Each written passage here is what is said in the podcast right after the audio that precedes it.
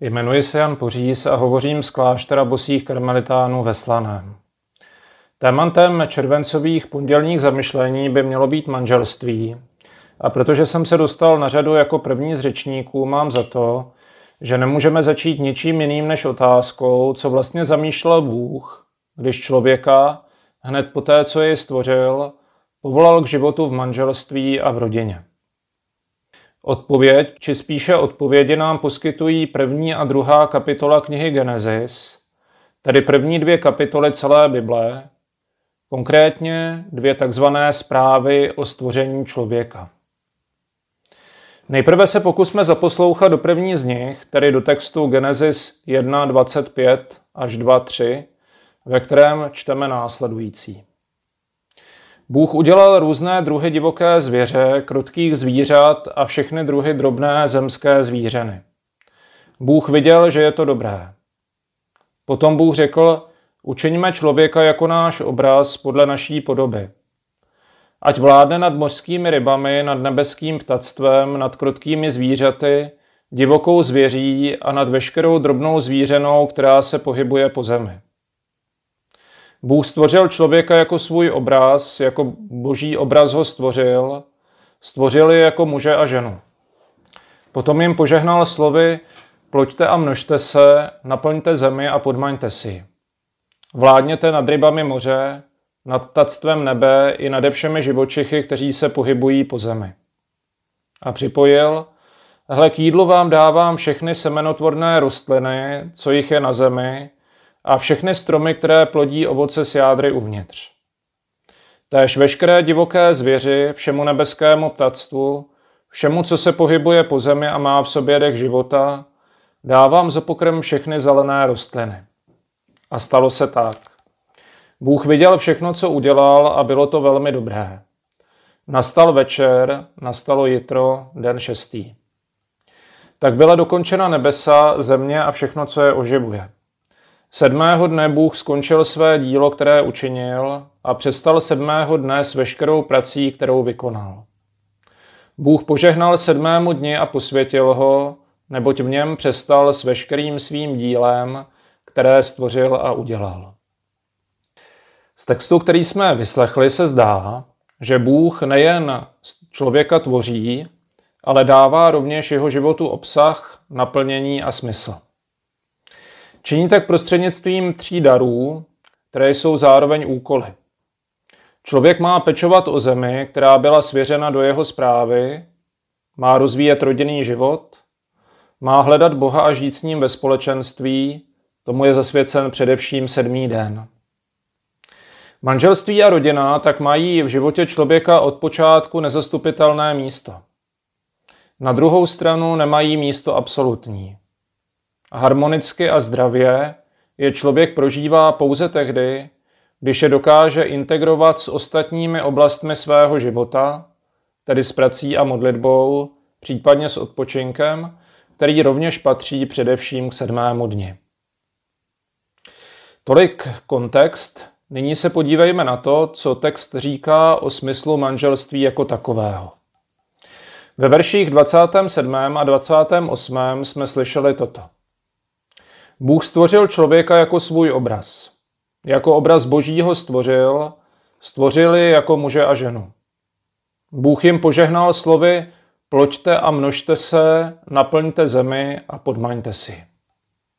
Když nasloucháme těmto slovům, možná se nám zdá, jako by Bible říkala, že jediným důvodem existence manželství, společenství muže a ženy, je předávání života. Ploďte a množte se, tak zní jediný explicitní boží pokyn. Při četbě těchto řádků ale nesmíme nikdy zapomenout, že je sepsali ličtí autoři žijící ve starověku. V době, kdy děti, především synové, byly pro člověka jedinou nadějí na přežití. Když onemocněl či zestárnul a nemohl už pracovat, byly to právě a pouze děti, které mohly pokračovat v jím započatém díle a zajistit pro své rodiče to, co potřebovali k živobytí. Ani dnes však tato výpověď Bible není překonána. Předávání života, nejen fyzického, ale i psychologického a duchovního, je stálým darem a posláním, které muž a žena, manželé, rodina od Boha dostávají. Otázkou zůstává, zda se jedná o poslání jediné, či alespoň prvotní a nejdůležitější. Odpověď, alespoň podle mého názoru, zní spíše ne. Tím opravdu prvotním a vždy nejdůležitějším je samotný vztah mezi mužem a ženou. Zázemí, bezpečí, které člověk druhému poskytuje. A o tom mluví takzvaná druhá zpráva o stvoření člověka, kterou nacházíme v Genesis 2.18 až 24 a kterou bych nyní také přečetl. Potom hospodin Bůh řekl, není dobré, že člověk je sám. Udělá mu pomocníka, který by se k němu hodil. Hospodin Bůh uhnětl z hlíny všechnu divokou zvěř a všechno nebeské ptactvo a přivedl je k člověku, aby viděl, jaké jim dá jméno. Takové mělo být jejich jméno, jak by všechny živočichy pojmenoval. A člověk dal jméno všem krotkým zvířatům, nebeskému ptactvu a veškeré divoké zvěři, ale pro člověka se nenašel pomocník, který by se k němu hodil. Tu hospodin Bůh seslal na člověka hluboký spánek a když usnul, vzal jedno z jeho žeber a to místo uzavřel masem. Hospodin Bůh pak ze žebra, které vzal z člověka, vytvořil ženu a přivedl ji k němu. Ten zvolal, to je konečně kost z mých kostí a tělo z mého těla. Bude se nazývat manželkou, neboť z manžela byla vzata. Proto muž opustí otce i matku a přidrží se své ženy a budou jeden člověk. Možná jsme si všimli, že na rozdíl od první zprávy, kde se zdá, že muž a žena jsou stvořeni společně, vyplývá ze zprávy druhé, že Bůh nejprve stvořil muže, který jakoby hledal oporu, doplnění, pomoc sobě rovnou. Podle hospodinova pokynu vládne nad touto zemí. Dává jména všem zvířatům. Vztahuje se rovněž k samotnému Bohu, vždyť jejich vztah ještě není narušen hříchem. Bůh přesto vnímá, že člověk zakouší na zemi jakousi samotu. Snad můžeme říci, že zvířata jsou pro něho příliš nízko, příliš pod ním, Bůh zase příliš vysoko, příliš nad ním. Není zde nikdo, kdo by se mu rovnal. Proto hospodin Bůh seslal na člověka hluboký spánek a když usnul, vzal jedno z jeho žeber a to místo uzavřel masem. Pak ze žebra, které vzal z člověka, vytvořil ženu a přivedl ji k člověku. Tato symbolická výpověď ukazuje na to, že člověk, jakožto muž či jakožto žena, jsou vždy neúplní. Bohu, k jehož obrazu a podobě byli stvořeni, se podobají až společně.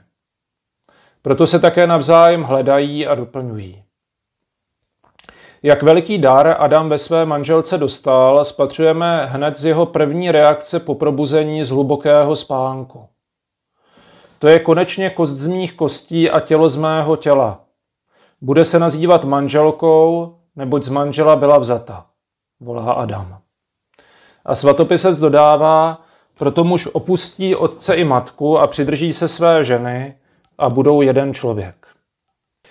Vždy, když se snoubenci během přípravy na manželství čteme tento text, připomínám jim, že do manželství sice nutně vstupují svobodně a dobrovolně, tudíž si nějakým způsobem svého partnera sami volí, zároveň však platí i to, že jejich partner je jim Bohem darován. Byl to Bůh, který k Adamovi přivedl Evu. Stejně tak i dnes je to Bůh sám, který stojí za každou dobrou volbou životního partnera, který i dnes daruje věřícímu muži ženu, která se mu má stát pomocnicí jemu rovnou. Pokud však manželství není pouhým lidským rozhodnutím, ale především božím darem, chápeme i dodatek, který pán Ježíš připojuje ke starozákonnímu textu, když jej v desáté kapitole Markova Evangelia cituje farizeům, kteří se ho dotazují na možnost rozvodu. Ježíš nejprve opakuje to, co jsme ji slyšeli. Na začátku při stvoření Bůh učinil lidi jako muže a ženu. Proto opustí muž otce i matku, připojí se ke své ženě a ti dva budou jeden člověk. Už tedy nejsou dva, ale jeden. Pak ale dodává něco, co starý zákon explicitně neobsahuje. Říká, proto, co Bůh spojil, člověk nerozlučuje. Asi tolik krátce k základnímu, nebo k základním významu manželství, které jsou dva. První, vzájemná pomoc, doplnění, podpora a společenství mezi mužem a ženou, které k sobě přivedl Bůh, aniž by jakoli narušil či oslabil jejich svobodnou vůli a schopnost svobodného rozhodování. Druhý, předávání života dětem. Nejen života fyzického, ale života plně lidského, tedy i života na rovině duševní a duchovní. Kéž se nám tedy daří nacházet dar, který nám Bůh v rodině a manželství svěřil, a kéž plníme úkol v tomto daru obsažený. Pokud se nám to přes veškeré těžkosti a problémy bude dařit, budeme obohacovat nejen sebe a svou rodinu, ale celou naší společnost. Podcast u Ambonu pro vás připravuje Fortna. Každé pondělí a pátek na Fortna EU a na Spotify.